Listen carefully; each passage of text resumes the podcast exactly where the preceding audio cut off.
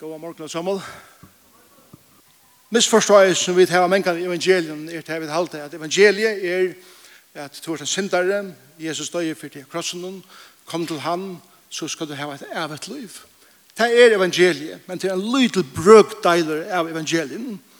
Hvis det er alt evangeliet, så er det nekk nemmere at vi blir frelst, og Jesus tog og går bare beint hjem til himmels. Evangeliet er livet som, som spretter ut fra Øtlundtøy. Og Jesus var okkar beste fyrir om hvordan det evangeliska livet, eller livet i evangelien ser ut. Og vi har noen vers i Matteus kapitel 9 som gjør okkar akkur som en en summerarium av livet og tjeneste Jesus. Eller jeg kunne altså kalle det for hjärsta og hjertalæge. Jesus er. Da må lese det fire døkken. Eh, Matteus, eh, kapittel eh, 9, vers 35. Hette er evangeliet dit, hese versene. Jesus fereis nu om i ötlun støvun og bygden. Lærte i synagogen tarra, prædika i evangelium rujusins, sikker dit, hatt av lytla petti her, hette var prædikan, Men det er ikke mer enn predikan. Og grøtte hverja sjuko og hvern veikleikan. Da han sa folket, tykte hun hjertelig synd ut heimen, til det var ytla haggreit og vannrøkta som seier og i omgang hyre hever. Og han sier vel lærer som han er sønner skorer enn storer, men arbeidsmennene er feir. Bie tog herra skorarens sende ut arbeidsmenn til skolor søgn. Hatt evangeliet. Öll hese tingene her beint. Alt det som Jesus gjør det, alt det som han brente fyrir, alt det som la honna hjärsta, var evangeliet. Det var grunda i sånne her stora karlaga gods. Og da la dem kunne venda versen høtte og lesa det etter han fra, for jeg vil kunne sutja et minster ut som Jesus gjør det. Vers 38. Bie tui herra skorar senda ut arbeidsmenn til skorsyn. Alt byrjar vi bøn. Evangeliet byrjar vi bøn. Andaliga løyve byrjar vi bøn. Jesus brukte så nega tui saman vi færen, ensamhandler og i bøn. Hva gjør bønnen? Bønnen gjør det her at egen tjåken åpnes mer og mer fyr, ikke bare for god det er, men eisende hvor hans ramisjonsmarsker. Legg meg ikke til å være skje i tredven. Ta seg en lærer som er skorer enn det store, men arbeidsmennene er feir. Ta vidt er byende folk.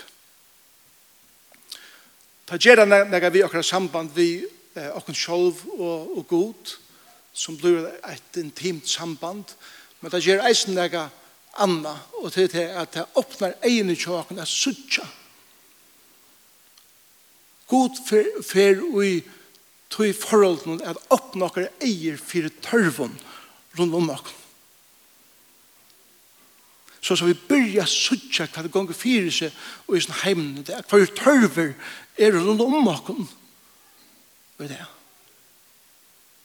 Men det skaper et tria som er i vers 36 Ta jeg sa folk i tøknen hjertelig sindet heimen til det var ytla haggreit og vandrøkta som sier og i kan hyra hever. Hadde her folk, eller hadde her året da jeg sa folk tykte hun hjertelig sint i heimen er det samme året som vi har empati fra. Så gjør det minste begynner vi bøn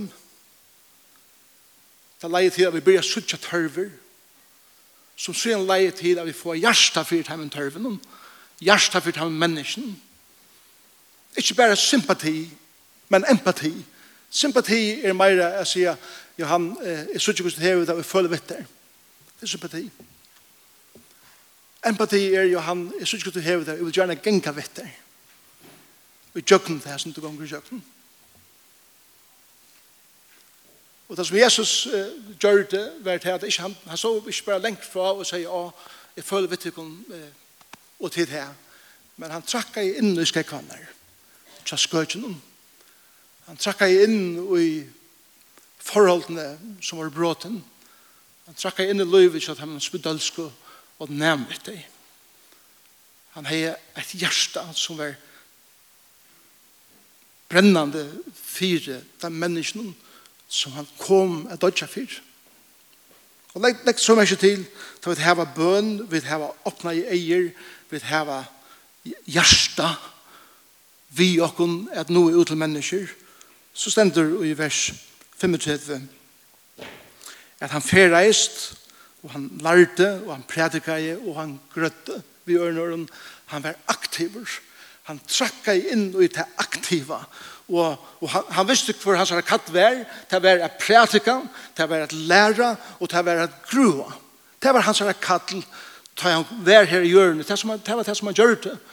Og av leiene ut av Golgata, at djeva sitt liv for jokken. Vi er kattla jeg gjør det samme. Legg meg til første vers i kapittel 12. Legg meg og minst til at i oppruna teksten er ikke kapitler i vers. Det hunger alt sammen. Og i, vers, vers 1 i 20. kapittel leser vi dette Og han kallet henne tølv lærersvanne sønner til sønn og gav taimon vald. Jeg grua hver jeg sjuko, eller i vår åren anton, og jeg reker teir ut, og jeg grua hver jeg sjuko, og kvann veikleik. Ta vidt er mennesker som ganger fotospor i Jesu. Og vidt er en vi er biande folk. Og da jeg sier biande folk, så husker ikke bare en bønnemøte, men akkurat daglig der jeg kjenner seg hos en intima forhold til Jesus. Så fer han å åpne egen i tjåkene suttja.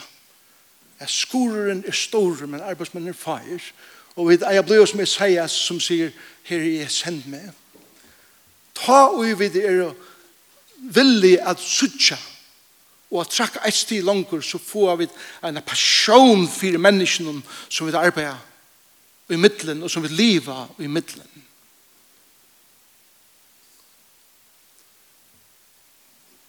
Og vi blir empatisk mennesker.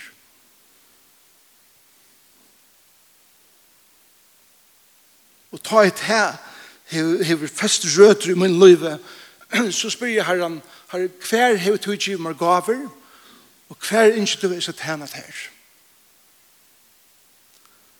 Og alt som er inne i her morgen som har givet sitt liv til Jesus, har finnet ikke gaver fra honom. Men kanskje har vi glemt å spørre her hver ikke du er det så tænet her. Hver øde er det som du ikke jeg skal blomstra for det og i. Ta det her på plass så trakka vi inn i en myndeleika som er fyrir okken öll. Myndeleika som Herren hever tiltøyen er at liva evangeliet som gjør det en kraft som kan stande mot öllum som legger av det er tøkker for okken ødel. Ta og i vid er det klar jeg sier herre, herre, send meg. Det er evangeliet. Og i at livet evangeliet forteller vi sjående menneskene at Herren kom, at dødja for synd. Og vi må komme til han og gjøre vårt liv til han. Og han reiser oss opp til et nytt liv vi ser. Ta vi ikke at breibrodningen i morgen, vi kan bare komme og gjøre det klart tid som ber det ut. Ta vi tidsi at breinen og vinen i morgen. Så ligger alt hattar ut hui. Det er ikke bare det som hender i krossen. Ikke bare det som hender i Gethsemane, eller det er dianer og arden, eller det er viken og arden. Det er alt liv Jesus er, som, som er fire min fire hvordan vi skulle leve.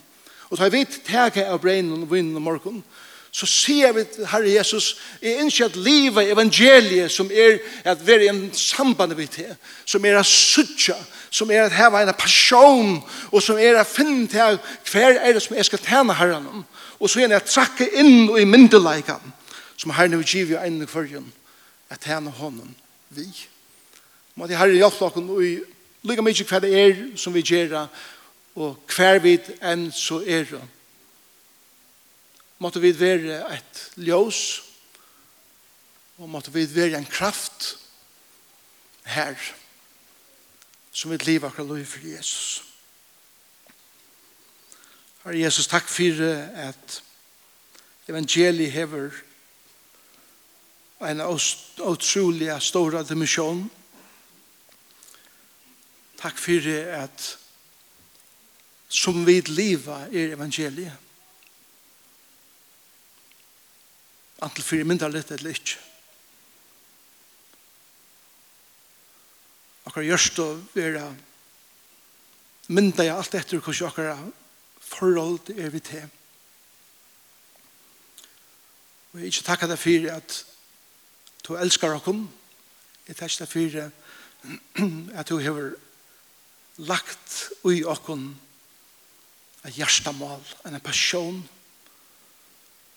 Takk deg for at du giver ein og kvarjen av okken gaver at henne ter vi ting som vi doer vel i livet, noen ting som fettler naturlige, og kunne bruke det til ære for det.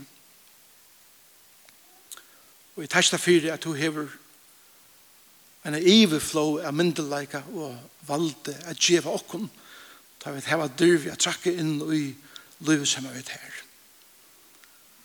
Jesus, takk fyrir at alt dette leidde til krossen, som er sentraleren av evangelien og det som du gjør det her. Og ut fra krossen flyter evangeliet inn i akkurat gerandes liv så skal vi liva evangeliet. Så Jesus sier jeg legger løvdene i tunne hender i morgen og ene kvann som er her og eisen de som ikke kunne være her i morgen og hjelp åkne være en sankoma som lever som til levde. Det var hjärsta som du heje. Og hjärsta mal som du heje og hever. Takk, Herre Jesus, og i Jesus' navn. Amen.